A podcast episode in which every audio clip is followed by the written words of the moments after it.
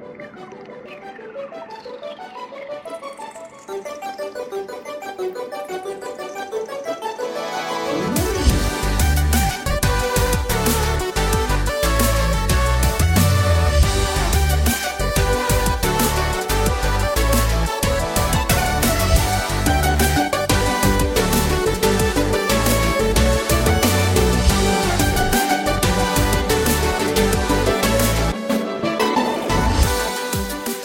Hjertelig velkommen tilbake til Sidequest, denne sidepodkasten av nerdelandslaget, der vi dykker enda dypere ned i på en måte spillkultur og nerdekultur og uh, ting som vi ikke har tid til å prate om i hovedpodkasten av nerdelandslaget.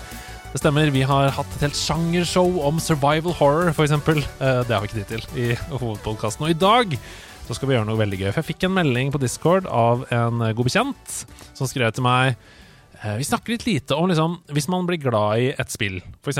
Batman Arkham Asylum eller uh, The Sims. Hva annet kan man sjekke ut når man er ferdig med det spillet, som ikke nødvendigvis trenger å være en eh, spillopplevelse, men andre kulturuttrykk? Eh, Så i dag så skal vi snakke om ti ting å sjekke ut hvis du likte, eller liker, Cyberpunk 2077. Eh, og det gleder jeg meg veldig til. Vi skal innom veldig mye. Vi skal innom variert. Vi skal innom alt fra ganske sånn tradisjonelle kulturuttrykk, sånn som litteratur og musikk, til noe så nydelig som Dette har vi aldri snakka om i nederlandslaget før, tror jeg. Arkitektur. Både i nåtid, fortid og fremtid. Og dette har jeg gleda meg skikkelig til. Med meg så har jeg mannen som hadde ideen til denne podkasten, og som har gjort alt arbeidet. Jeg, har bare, jeg bare skimmer hans arbeid. Skribent, musiker, lydguru Ole Torstein Håvig. Hello. Håvig? Hovig? Hovig. Hovig, ja. Ja. For du er fra Innlandet? Eh, ja, men Hovig er fra Overhalla. Ok. Ja. Ja, da så. Eh, Jeg vet ikke hvorfor jeg sa at Håvig skulle vært mer innenlands enn Hovig. Men... Ja, nei, det eh, Ingrid Espelid Hovig, da. Å ja, selvfølgelig! Det er den knaggen! Ja. Jeg må hekte det på Ingrid Espelid. Men du, dette er litt gøy. Vi må, aller først må vi snakke om hvordan vi ble kjent. ja, Du, du og jeg.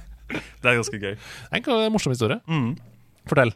Uh, nei, det var Jeg husker ikke om det var 2011 eller 2012, men det var uh, Volumfestivalen i Elverum. Ja, Det må ha vært 2012 Vent, da. Jeg gikk på Westerdals fra 2009 til 2012. Ja. Så det kan ha vært 2011. Ja, Nei, du, du, du var i hvert fall i Elverum med Dansolini. Dette er et uh, lukket kapittel. Eller det er egentlig ikke det. Det var ikke noe dårlig stemning eller noe. Det er bare, det bare ser ut til ingenting. Men fortell om Dansolini. Hvordan oppdaga du Dansolini? Uh, nei, det var Simen Skari, Ja. som uh, også er kjent som syntist, i syntspiller. Han spiller keys i Teamy og Ja. har en god venn. Han var med i Dansolini sammen med deg, Ja. og dere spilte på en eh, Var det Frivilligfesten i Elverum? Ja, det var sånn lille, en bitte lille julaften eller noe mm. um, i Elverum der. Ja, og da var det liksom oss og da, Jeg husker ikke om jeg jobba i festivalen eller bare var sånn veldig frivillig.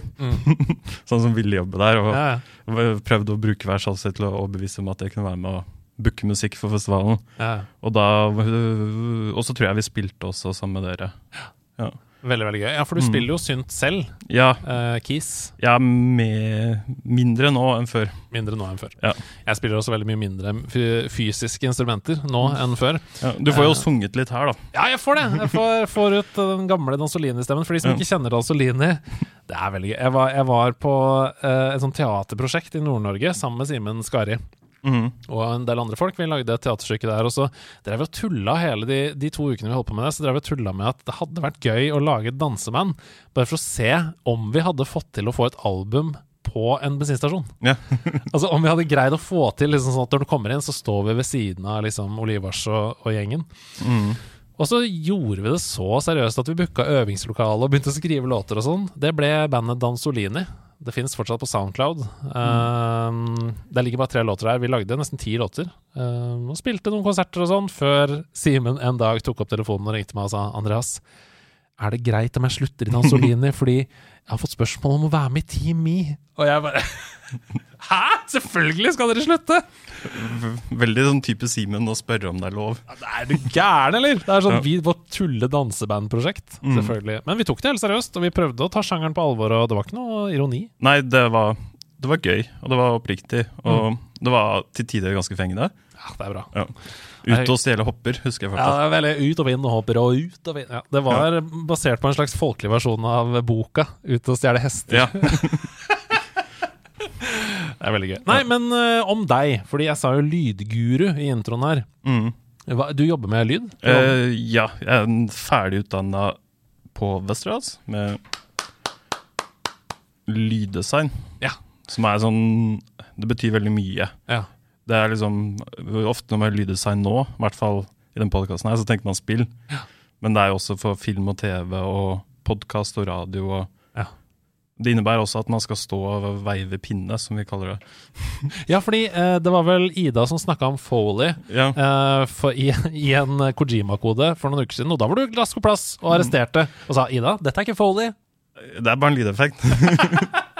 for, for det, det, det, jeg har sånne, det er ikke en kjepphest, da, men jeg, jeg, er en, jeg er en pendantisk fyr. Ja, Det, tror jeg er sunt når man driver med lyd. ja, ja, det er det. Og Foley er liksom mer spesifikke lyder som man tar opp i et studio som matcher bevegelser i filmen. Ja. Som er veldig sånn kleslyder, skritt, Mm. knirk. Veldig sånn detaljorienterte lyder som matcher bevegelser i film. Mens eh, spesielt i spill og sånn, så når man uh, bare lager lyder som så brukes som lydeffekter, så er det jo bare en lydeffekt. ja, en eksplosjon, liksom, Ja. for eksempel. Eller en skytelyd. Ja, for eksempel. Mm. Ja, enig. Um, det som er interessant, er der hvor de andre pleier å ha sånne HyperX-mikrofoner til eh, 850 kroner, f.eks., eller Audio Technica. Det er en veldig bra Audio Technica-mic, som er sånn potetmic, sånn Mm. USB-mic. Den anbefaler jeg til alle som har lyst på sin første streaming-mic, men uansett. Det har ikke du. Du har Når vi skal snakke på Discord, så jeg, jeg låner en Neumann U87 av tanta mi. Det er så sjukt! Ja. Hun har jo jobba som folieartist på NRK. Ja. Mm. Og uh, det, den bare setter jeg foran skjermen min, fordi jeg har ikke noe stativ. Og den Det er, det er liksom perlefossfin, for det er en ganske dyr mikrofon. Men uh, den låter veldig bra, da. Det er så sjukt. For de som ikke kjenner til Neumann U87, den koster ca. 40 000. Ja. Og den bare ligger på pulten til Ole Torstein når han snakker på Discord. Ja. Så da skjønner du hvorfor Hvis dere gamer med han, så skjønner du hvorfor han har så krisp og deilig lyd. Ja, den, uh, den er fin og klar. Ja, det er bra.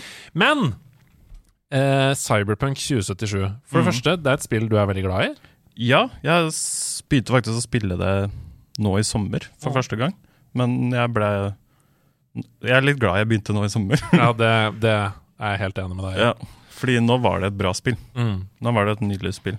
Det har sine feil, og det er ikke alt jeg liker med det, men jeg ble veldig Jeg ble veldig glad i spillet. Jeg Mm. trodde, jeg trodde liksom at det var noe annet enn det jeg fant ut at det var, da. Ja.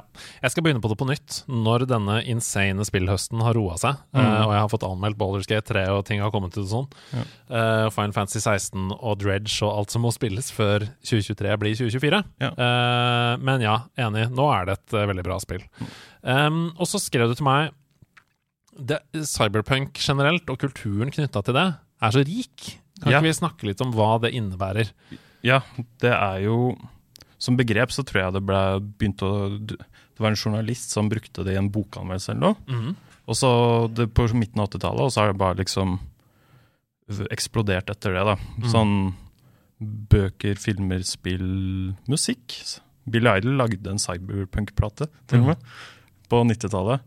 Og så har det jo liksom blitt en slags bevegelse, vil jeg si, da. Mm. Det er Fordi jeg, jeg har jo Jeg kjente jo godt til cyberpunk som en sjanger lenge før spillet. Ja. Men det var liksom derfor jeg også var litt skeptisk til spillet, fordi jeg ble redd det ble litt sånn glorifisering.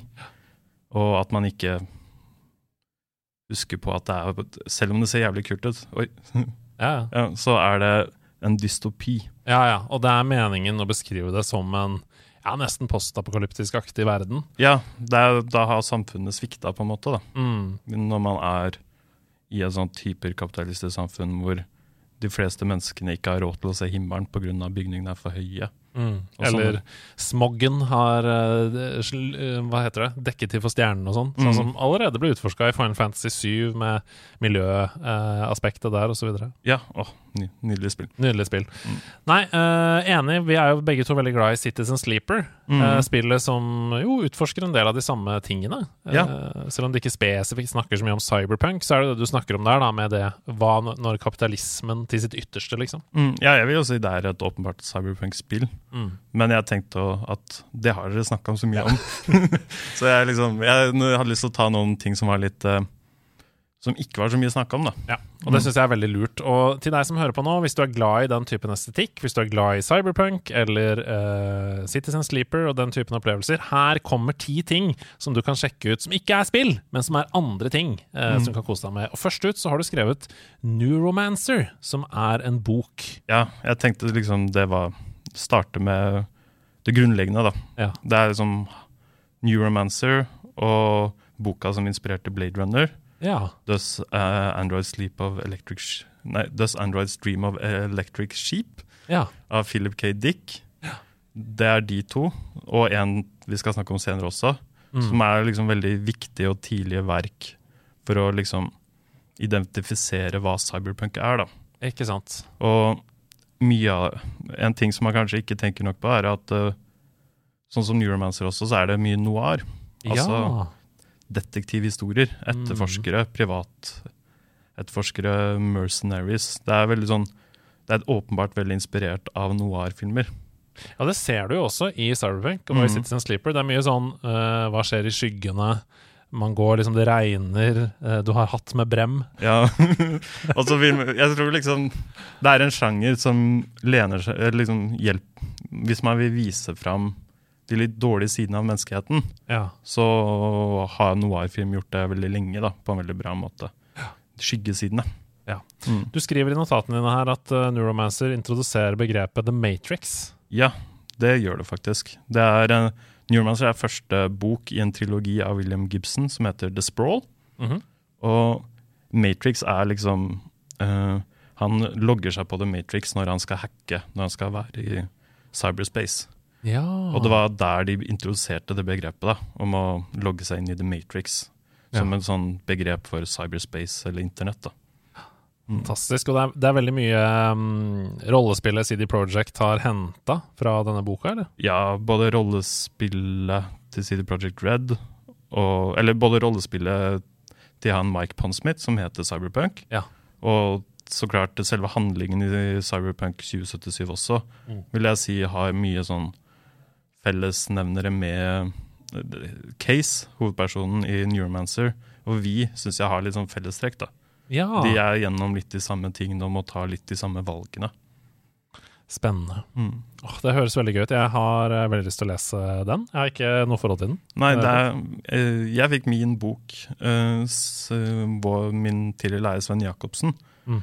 Han er en sånn veldig flink lyddesigner, og også veldig sånn glad i motkultur og subkultur. Ja. Og han, når vi flytta skole, så hadde han masse bøker til overs, og da la han en sånn svær kasse med bøker som vi bare kunne ta, og der var det masse sci-fi, inkludert William Gibson. da. Ja. Og da bare tok jeg min, tok jeg Neuromancer og Mona Lisa Overdrive og noen andre bøker. Wow, det er en deilig pakke. Ja. Nei, ok, uh, Neuromancer der også, men også, som du skriver her, uh, hele Sprawl-trilogien. Neuromancer Mm. Count Zero og da Mona Lisa Overdrive, Ja. som du nevner til slutt her. Veldig bra trilogi.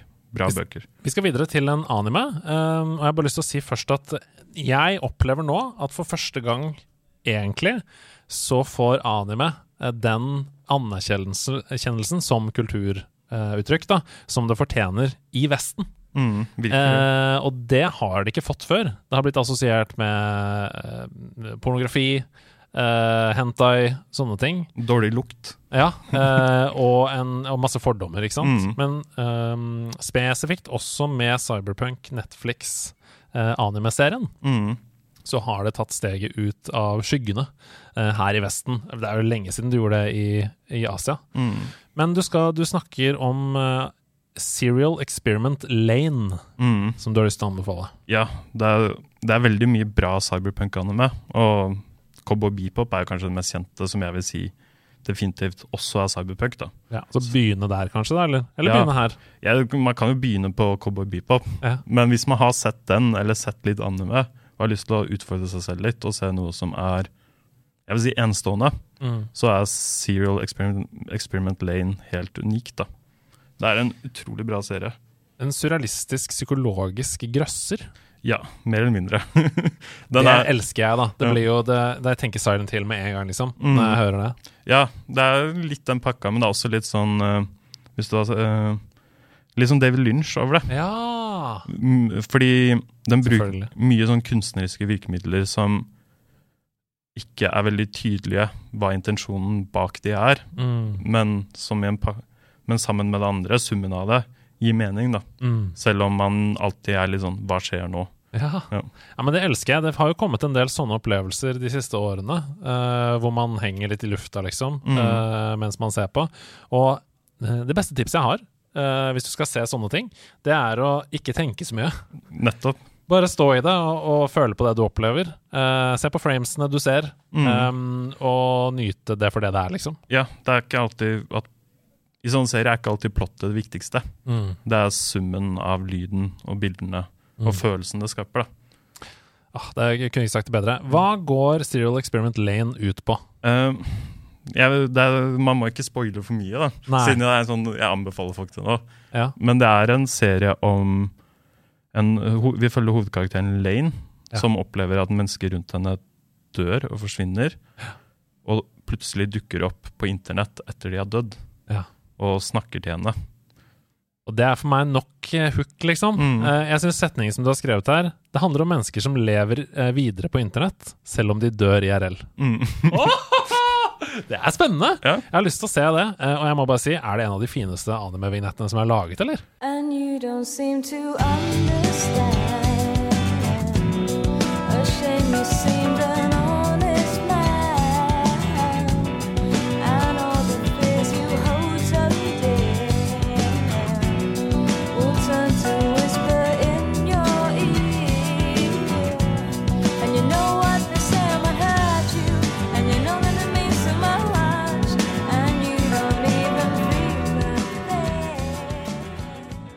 Uavhengig av språk. Altså Nå snakker jeg på sangen og, og totalpakka i vignetten her. En av de fineste. Det er, ikke, det er ikke favoritten min. Nei? Det er fortsatt uh, Tengen Toppa oh, ja. som er um, klassiker. Ja. Men uh, det er en veldig fin vignett. Jeg ble kjemperørt av å Mm. se det. Jeg har jo ikke sett noe av dette før, men, men jeg skjønte bare ved å se den vignetten Jeg anbefaler alle å google Serial Experiments Lane Opening Mm. på YouTube og gå og se på den på YouTube. For bare den, den er 1 minutt og 40 sekunder lang, og jeg skjønte hva de vil med Mm. serien. Ansiktsuttrykkene til karakterene er veldig tydelige på Mm. hva slags stemning som skapes her. Og musikken er sånn hjerteskjærende fin. Ja, virkelig. Så utrolig gøy. Serial Experiment Lane Mm. der, altså. Jeg veit ikke hvor det er mulig å se den. Det er jo litt kjipt. Men uh, jeg regner med at Outland og Neo Tokyo sikkert har DVD tilgjengelig. Ja, fordi det er ikke noe helt nytt, eller? Nei, den er fra åh, 1999? 1997? Eh, 1998, så det var midt imellom ja. de to årstallene du sa. Ja. Ja, Nå skal jeg bare sjekke her, fordi nå går jeg inn på, serial, nei, på justwatch.com og søker på Serial Experiment Lane. Uh, fant ikke noe der, så da må vi gå på anime-versjonen isteden. Um, Funimation. Funimation. Mm. Uh, kan du se det på Crunchyroll, selvfølgelig. Ja. Hvis du har et Crunchyroll-abonnement, så kan du se det der inne. Oh, det Jeg eh, Ja, jeg har ikke sett det på flere år. Fordi det er, lenge, eh, det er en sånn serie jeg husker veldig godt. Mm. Så det er jo godt nytt hvis jeg har lyst til å se det på nytt. da. Farken i parken. Jeg så at det var borte eh, fra Crunchyroll. Det ligger på eh, Apple TV. Du kan kjøpe det på Apple TV, Ja, eh, sesongen, og det koster bare 18 dollar. ja jeg anbefaler folk å kjøpe mer film på YouTube og Apple TV. Mm. Jeg gjør det en del, og jeg liker, da har jeg de. Og Ja. de er ofte bedre kvalitet enn på andre tjenester også. Det er veldig godt poeng. Eh, I tillegg så kan du laste ned lokalt, sånn at du slipper å være avhengig av å streame det på de Mm. tjenestene hvis du har lyst til å lagre det lokalt. Og så uh, er du prisgitt at det aldri kommer til å forsvinne, Mm. for du har jo kjøpt det. Ja. Uh, I motsetning til Netflix, eksempel, hvor ting forsvinner ut og inn Ja. uh, etter hvert. Mm. Ok, vi skal videre fra en uh, anime-serie til arkitektur. Ja. For her har du rett og slett lista opp hele metabolistbevegelsen. Ja, det Jeg tenkte sånn Når man skal snakke om cyberpunk, så må man snakke om metabolisme også. Ja, Hva er det?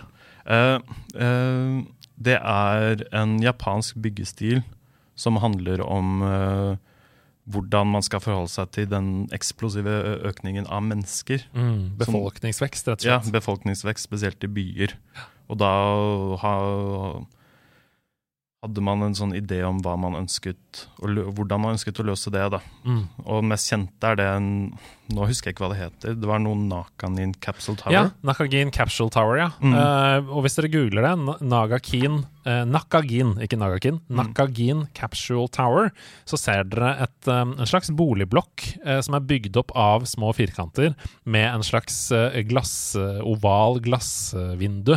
Så det ser ut som mange akvarier oppå Mm. hverandre, eller sånn eh, ubåter, på en måte. Eh, Fordi Ja. du har jo denne klassiske runde eh, undervannsvinduet, det ser ut som lugarer oppå Hverandre.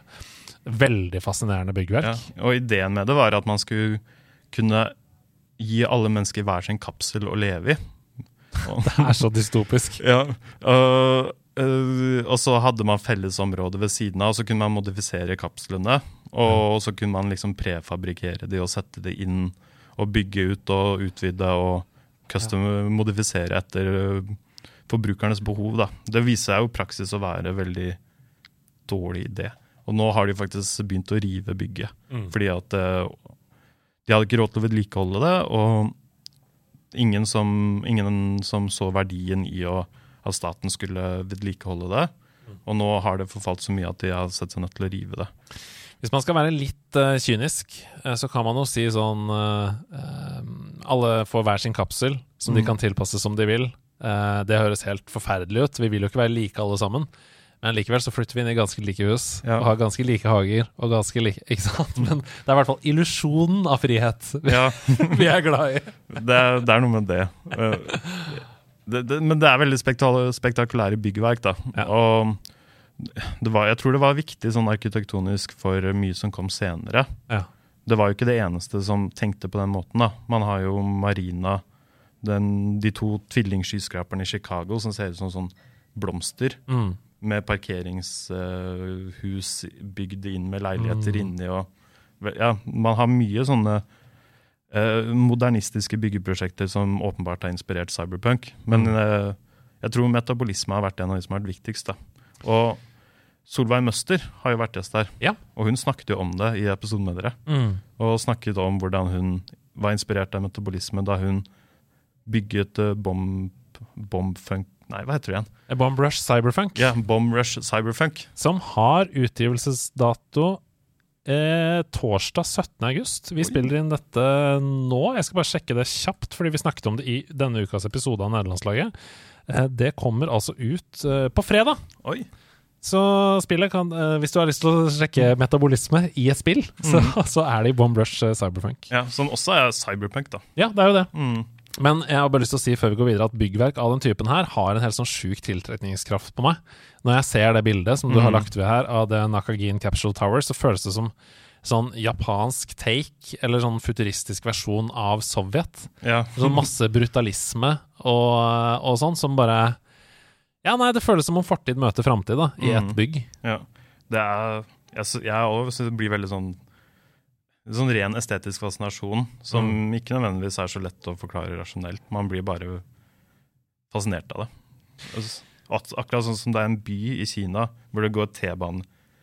En skyskraper som har en monorailstasjon inni skyskraperen, og, sånn, og toget går igjennom. Det, Ja. er sånn, det høres helt forferdelig ut å bo der med den støyen og sånn, men det ser jo helt fantastisk ut. Og er det noe cyberpunk gjør masse, og Mm. den typen estetikk, da, så er det jo sånne løsninger. At Mm. måte menneskeheten er intertwined med transport og kommunikasjon og sånn. Ja, og teknologi. Og teknologi på Mm. alle kanter. Eh, vi skal videre til en bok som er anbefalt av tidligere redaktør i Kåss til kvelds, og tidligere fordi programmet finnes ikke lenger. Eh, Anders Korsmo Løland.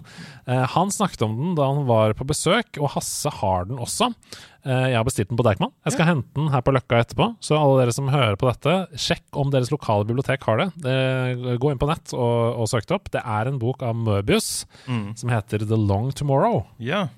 Den Jeg tok med den fordi jeg syns det var litt gøy siden den kom på 70-tallet. Mm. Og også Den var så åh, Influential, hva blir det på norsk? Eh, hadde stor påvirkningskraft. Ja. Det er noen ganger lettere med engelske ord. Ja, fattig, fattigere språk. Ja, Den hadde veldig stor påvirkningskraft, påvirkningskraft på veldig mye, Mm. inkludert uh, Blade Runner. Ja. Uh, hva het han igjen? Det var noe med Nå må jeg bare sjekke navnet, for jeg tror jeg skrev ned navnet på han. Ja, Sean Giraud? Nei, Syd Mead. Oh, ja, ja, Han var konseptartisten for uh, Blade Runner. ja.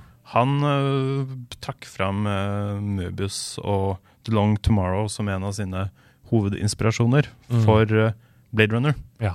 Og det er en Og det skjønner jeg godt, fordi det var den, Visuelt så er den jo helt magisk. For de som ikke kjente til Möbius, så er jo han en veldig kjent fransk tegneserietegner som egentlig heter Jean Girard. Ja. Eh, Girard? Ja. ja jeg, hadde ikke fransk på. Jean Giraud. Ja. Giraud. Giraud. Han uh, tegnet for et fransk blad som er på, på engelsk blir kalt Heavy Metal. Ja. Og han hadde en veldig unik penn. Ja. Du har um, uh, hva kan du si, I nytid så har man jo spillet Sable. ja, ja. Ikke sant? Det ligner på det, ja. Ja, for Sant. Sable er liksom tydelig, veldig tydelig inspirert av Møbius sin penn. da. Utrolig fint spill. Ja. Uh, jeg vet ikke om det er det nå lenger, men det var inkludert i GamePass.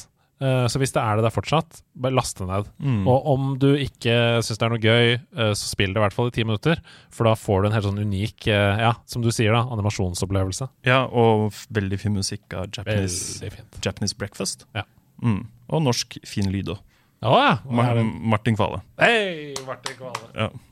Nei, men Möbius er jo eh, denne tegneserieboka som du snakker om, The Long Tomorrow. Mm. Det er noen sånne utrolig um, stilrene oversiktsbilder av by, Ja. eksempel, som jeg opplever at det er veldig eh, vært stor inspirasjon for andre kunstverk. Mm. Ja, det er det eh, totalene Mm. av byer og detaljrikdommen og hvordan de strekker seg opp mot himmelen helt til man Mm. ikke kan se himmelen lenger.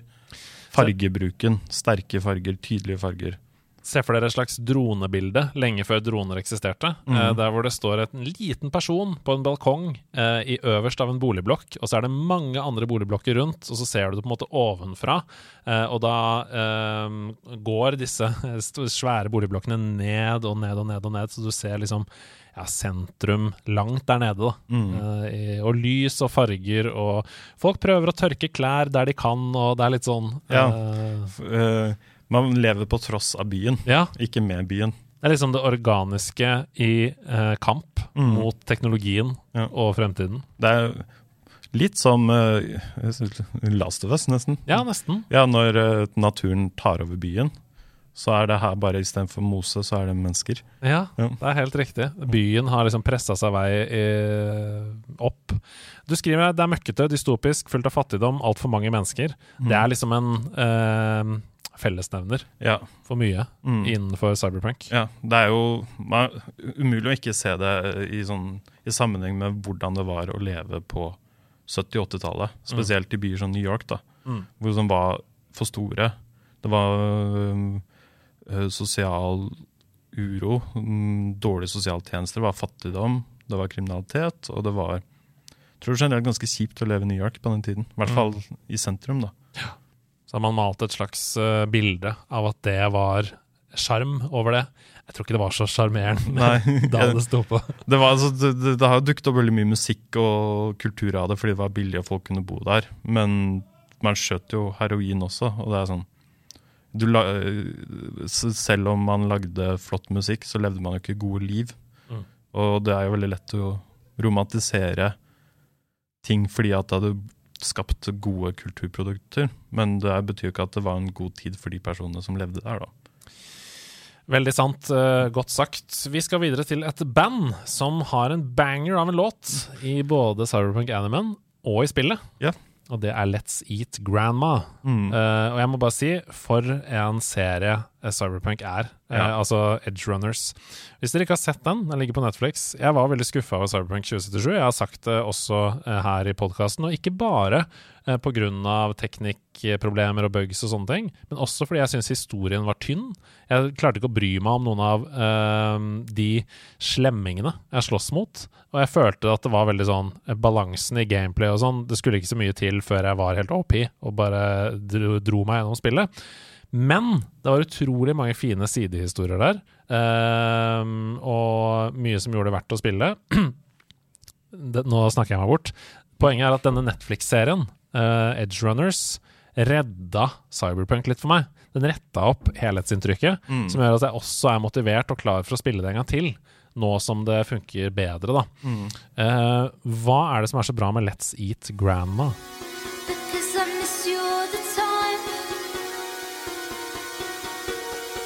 So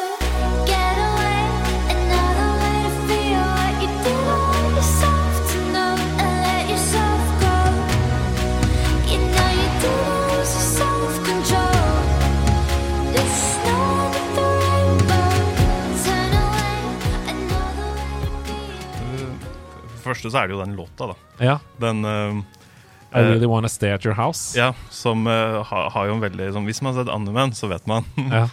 og hvis man har sett Andemen og så spilt spillet og hører den sangen i spillet, så stopper man opp. Uansett hva man driver med. Man bare stopper opp Mm. og tar seg tre minutter til å høre ferdig sangen før man går videre. Mm. Fordi den får, har fått en så viktig betydning. Mm. Og hvis man liker den sangen, og hvis man liker eh, mye av den musikken man hører på den radiokanalen hvor den sangen er, så er Let's Eat Grandma et fett band å sjekke ut for, hvis du har spilt spillet. da. Veldig kul sjanger òg. Det er en synthpop-låt. Mm. Og jeg syns jo den sjangeren i seg selv er veldig kul. Eh, Det er mange fine undersjangere av det. Vi har snakka om citypop i nederlandslaget før. Mm. Eh, Jeg har til og med laget Patron Paler basert på citypop. Um, vi skal snakke mer om j-pop osv. nedover her.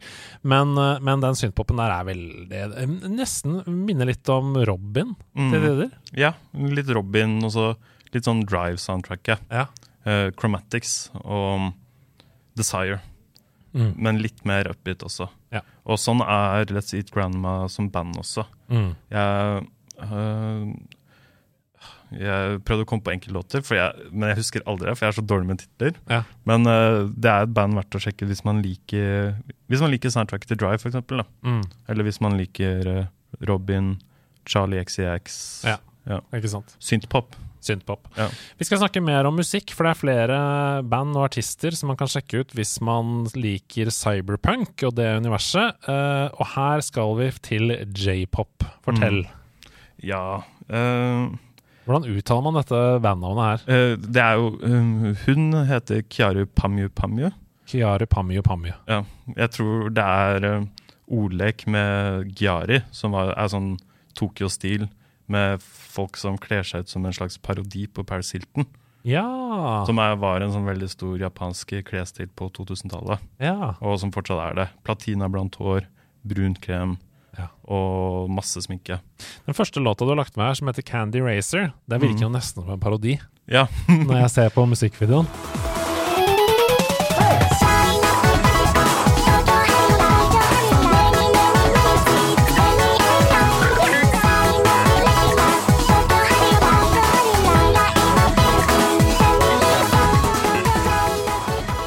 Ja det, er, det er jo En grunn til at jeg trakk fram eh, j-pop, er jo fordi at det er så absurd og rart og intenst og voldsomt. Det er sånn konstant en slags eh, Du blir Det er så mye sanseinntrykk, da, at ja.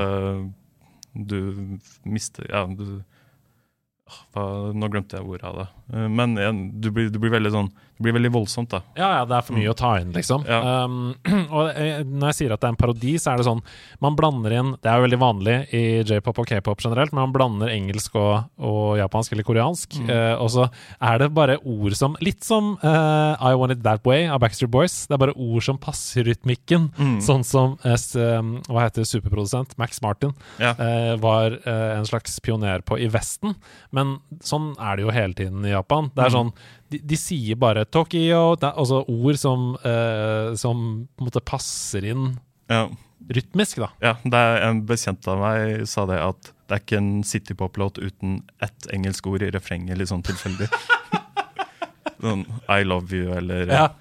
Eh, først masse japansk, og så I love you, som bare skal Ja. passe inn i rytmikken. Liksom. Midnight Pretender. Ja, Ja, og, ja, det er gøy. ja Flyday. Ja, ikke sant. Ja. Du har også lista opp her uh, Perfume ja. uh, med future pop. Mm. Og uh, jeg skal legge ved deler av Perfume sin future pop her. Nå skal dere få høre på den låta.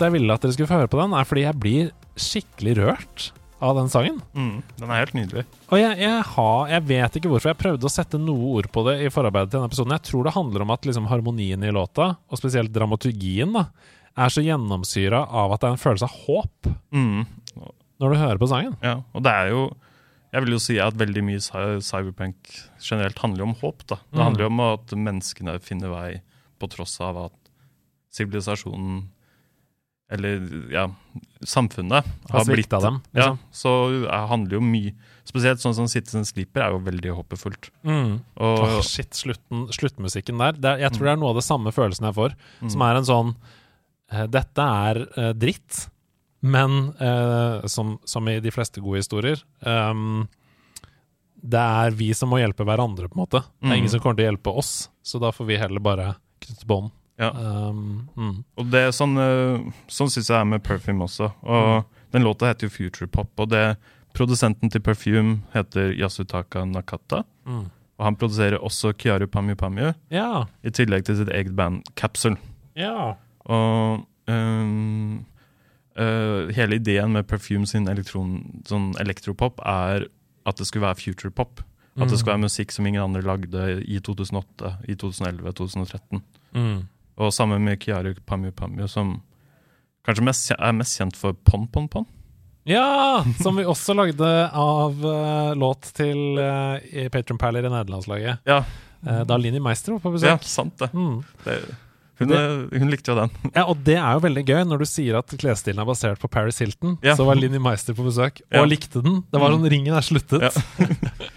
Ja, nei, Linni er en eh, fantastisk eh, person. Um, Så hvis du har lyst på følelse av håp på tvers av språk, så eh, sjekk ut Perfume, eh, Mm. Future Pop og de andre her, Kjøre Pammi Pammi osv. Ja. Vi må videre til uh, noe i samme sjanger, for det er fortsatt musikk. Uh, du, du kaller det hyperaktiv, futuristisk musikk. Ja, hyperpop er jo uh, sjangerbegrep som jeg tror jeg har blitt mer utbrakt nå. Jeg skrev, skrev litt om det tidlig, jeg tror det var i fjor, for eh, et netts, nettside som heter Tidens Ånd. Veldig fin artikkel. Gå inn, hvis dere googler Ole Torstein Hovig, så får dere den artikkelen ganske høyt oppe. Veldig fint skrevet. Gå inn og les den. Ja, takk. Det, det Fordi da prøvde jeg Fordi det er en veldig sånn Nå vil jeg vel si at som sjanger så har den kanskje dødd hen litt.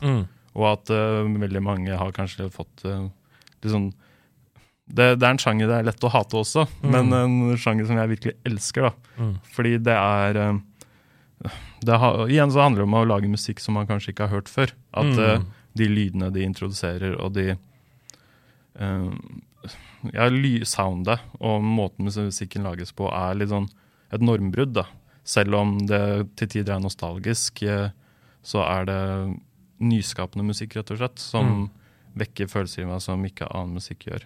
Men det er mye ironi også i den sjangeren. Ja, jeg vil si eh, Kritikk, liksom. Ja, det er meta, i hvert fall. Ja. At uh, man bruker flere lag. Eh, at, uh, fordi eh, det er jo musikk som Jeg vil si som låner veldig mye fra musikk veldig mange andre rett og slett har forkasta. ja, ikke sant. Ja, eller eh, ikke her på nærlandslaget, hvor uh, Da Tweakas, Markus Nordli, har vært gjest. da. Ja, ja. Nei, vi er veldig glad i, i hardstyle, og egentlig ganske glad i mange sjangere. Ja, Jeg har vært på hardstyle-konsert i, um, i Sportpaleis i Nederland. Det var utrolig gøy! det tror jeg på. Utrolig gøy. Ja, jeg er veldig hekta på den UNI. Ja, det skjønner jeg. Det er skjønner jeg. helt nydelig låt. Nei, men generelt så er det bare um, hyperpop. Hvis du, hvis du googler det som sjanger, så har du lista opp tre, spesielt tre låter her, som Mm. du tenker at folk kan sjekke ut. Og den første er AG Cook med Silver. Ja, han er jo gudfaren til sjangeren. Ja. Han starta plateselskapet PC Music, som Ja. er veldig viktige. Og øh, øh, starta liksom Den gjengen han var i, var veldig viktig for hvordan en sound utviklet seg. Ja. Det er øh, såkalt supersag, som er sånn øh, For trans-kjennere og hardstyle-folk, de vet hva det er. Men supersag er den synten. Den som, ja, den, er, ja. den som liksom Den som spiser lydbildet veldig mye. da. Mm. Det heter supersag fordi at det er veldig mange uh, ja, noe, Litt syntnerding Ja, ja. er lov. Fordi en synt har man en oscillator, Mhm. som er liksom kilden til lyden. I en supersag så har man veldig mange oscillatorer som man setter oppå hverandre. Og så gjør litt sure, sånn at de høres enda større ut. Mm. Og supersag er liksom det feiteste du får en sint av. og i hiphop så bruker man ofte su supersag. Noen vil tenke ironisk, men for min del så høres det mer som en hyllest. da. Ja. Og liksom vise potensialet i den lyden. Og det syns jeg er det beste med ironi slash eh, kritikk, eller eh, bare eh, hyllest, på en måte. At du kan bare Du kan 100% bare like det for det det er. Eh, det er ingen som ler av deg hvis du liker det for det det er. Men du kan også se etter flere lag, da. Og, og sette pris på det hvis du vil. Men det er ikke sånn at du er noe dummere hvis du ikke får med deg de lagene, f.eks. Jeg syns det viktigste med musikk er bare å tolke det dit man vil, da, som andre kunst- og kulturopplevelser. Ja, for min del så uh, Det viktigste er hva du føler. Ja, musikk er følelser. Helt ja, enig. Akkurat som med film og bøker, at uh, plott og kontekst og intellektuell analyse er litt sånn sekundært. Da. Det viktigste er bare at det får deg til å føle noe. Ja. Og for min del så føler jeg veldig mye av uh, Silver, for eksempel. Og det er jo en sang som er veldig voldsom. Det er laser, uh, det er noe som heter som laserskudd. Ja, ja. Og synter som pitches og vris og vrenges. Mm. Men så er det jo en tekst som handler om en fyr som føler han ikke er kul nok Mm. for en, eh, en eller annen har forelsket seg i, fordi han, hun, han spiller DND og vet ikke om han er kul nok. Perfekt for nederlandslaget, med andre ord. Nei, men Jeg bare nevner kjapt også Sophie med BIP, som har skrevet opp her, Ja. og Himera med You Make It Look So Easy, i parentes Smiley, S-M-I-L-E-Y. Ja. Så går vi videre til en film. Dette er grusomme greier. Yes. Dette er Sorry for det. Ja, dette er mareritt-inducing eh, opplegg, altså. Uh, en film som heter The Iron Eller Tetsuo, The Iron Man, fra 1989, regissert av Shinja Tsukamoto. Holy body horror! Ja, det, det, det er greier.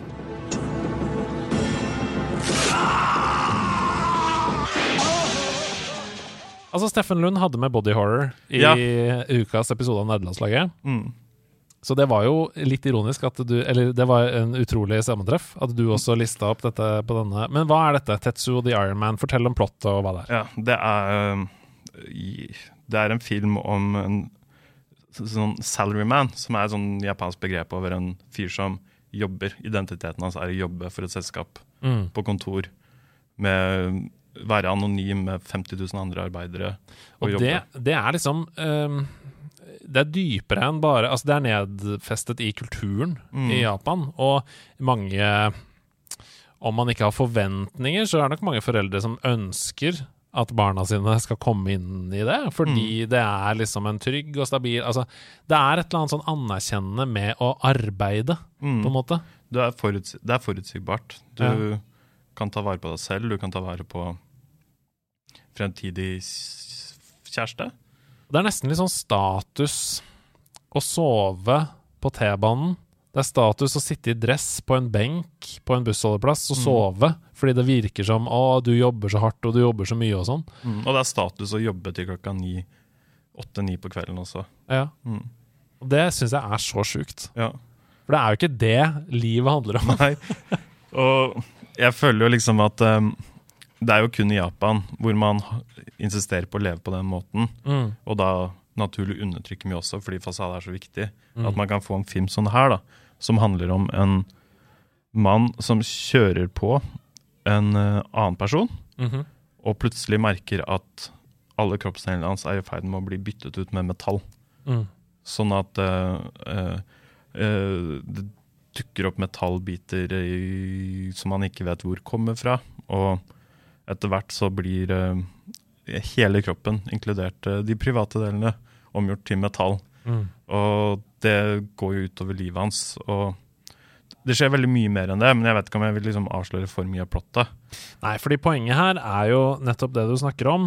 Ehm, cyberpunk så er det jo sånn at uh, man, man oppgraderer jo kroppen sine. Man bytter ut uh, armer og, og noen deler for å bli sterkere, bedre. Etter hvert så blir de utslitt, sånn som i Citizen Sleeper. Uh, man må vedlikeholde osv. Og, så og den transhumanismen, da. Mm. Dette er en mer sånn grotesk take på det, har du Ja. skrevet. Det, det er det definitivt. Ja. Fordi du har sånn Her skjer det jo litt ufrivillig med én karakter. Det er jo flere karakterer der, og Mm. det er mer som man oppdager, da. Men i Cyberpunk så er jo det frivillige. Mantisarmer er jo Det syns jeg var det fetteste i Cyberpunk. da Jeg fikk mantisarmer. uh, men uh, man bytter ut uh, kroppen sin sånn gradvis. Og det som er veldig interessant med Cyberpunk, er jo det begrepet de bruker som kalles cyberpsychosis. Mm. Som man kjenner fra både anime og rollespillet. At hvis man bytter ut for mye av kroppen sin med metall, mist, så vil man til slutt miste menneskeligheten sin. Mm. Og man får da såkalt cyberpsykose, eller cyberpsychosis. Mm. Og øh, de øh, Og her så går jo det til det, liksom, til det mest ekstreme. At det er en person som ufrivillig til slutt bare er metall, da. Mm. Og Jeg må bare si, hvis man hus Husker dere eh, Dette blir gøyal parallell, men eh, hjelp, jeg er julenissen eller noe sånt. Den derre jule... Altså, pappa Altså, han Chevy Chase? Nei, altså, det, hva er den andre skuespilleren heter? Han som Julenissen, tror jeg bare den filmen heter. Litt sånn Det har kommet én, to og tre. Anyways, det er en scene der hvor han våkner og har masse skjegg i fjeset. Fordi han liksom har blitt nissen. Ja, ja. Og så prøver han å barbere seg. Så barberer han seg alt uh, skjegget, og så ser han opp igjen, så har han fullt skjegg igjen. Mm. Det er en ikonisk scene i Tetsuo hvor det samme skjer med fjeset. At han prøver å rive av seg dette metallet. Mm. Og forstår jo de dramatiske konsekvensene av hva som faktisk er under dette metallet. Mm. For da river han av seg halve fjeset Ja, samtidig. Og det er så utrolig groteskt! det er det. Så hvis du syns sånne horroropplevelser som det, som er liksom groteske øh, Ganske ty... Altså, hva heter det? Jeg veit. Jeg, jeg leter etter det derre at de ikke De legger ikke noe imellom. Det er liksom Eksplisitt. Eksplisitt. Mm. Veldig eksplisitt Ja. horror. Og veldig sånn unik visuell stil. Det er Ja. sort-hvitt. Det er De bruker ikke bare slow motion, men de spoler, de spoler ting fortere. De Mm. har sånn, flere sånne sekvenser hvor ting går veldig fort, og de um, Intens lyd, voldsom lyd, voldsom musikk. Inne, De bruker sånn Ikke så mange andre som brukte industrial på den måten. Jeg er sikker på at Matrix har latt seg inspirere litt sånn musikkmessig. Mm. Og det er en helt sånn unik uh, Unik filmopplevelse, da. Og veldig cyberpunk på mange måter. Tetsuo The Iron Man fra 1989 ligger Mm. trailer på YouTube. Du kan sikkert finne det et eller annet sted på internett. Eh, vi snakker om ti ting som er inspirert, ikke som er inspirert. Ti ting du kan se eh, eller oppleve etter at du har spilt Cyberpunk, og kose deg med det hvis du har lyst på mer av den kulturen. Og vi har kommet til nummer ti, som er en eh, bok om, om byutvikling, om arkitekthistorie osv. Den heter eh, På sporet av den tapte fremtid. Ja, Og den er skrevet av Alf Jørgen Schnell. den kom i år, tror jeg. Ja. Norsk bok. Og norsk forfatter. Jeg tok med den fordi jeg syns det var litt gøy, fordi vi har jo snakket en del om det. Ja. At uh, cyberpunk er en slags uh, speiler samtiden vår. Mm. Og i den boka så tar jo opp uh, Alf Jørgen litt om hvordan man kan få en by som ikke blir en dystopisk eh, cyberpunk-by, rett og slett. Og hvordan man kan bruke arkitektur til å gjøre det bedre for mennesker å leve i byen. Det har jo vært et stort, eh, og det pågår jo fortsatt, arkitekturopprøret, som Mm. det heter. Um, som jo jobber hardt for å unngå å komme i den situasjonen, da. Mm. Um, det er en grunn til at alle disse verkene har eh, beskrevet en fremtid som dette, og det er jo fordi tegnene har vært der lenge, at vi Mm. er på vei dit. Og det er ikke sånn at arkitekturopprøret er den eneste måten å tenke på. Fordi det den boken tar for seg, er jo litt sånn modernisme, modernistisk arkitektur og den arkitekturen som kom etter modernismen. Den som Mm. kom på 80- og 90-tallet også, og hvordan den, hva som er bra med den, og hva som er dårlig med den. Mm. Og arkitekturopprøret liker én type arkitektur, men så finnes det også andre måter å like arkitektur på, som antageligvis kan gjøre byen bedre, da, istedenfor den dystopiske som man ser i, med metabolisme, eller med skyskraperne i Tokyo eller Hongkong.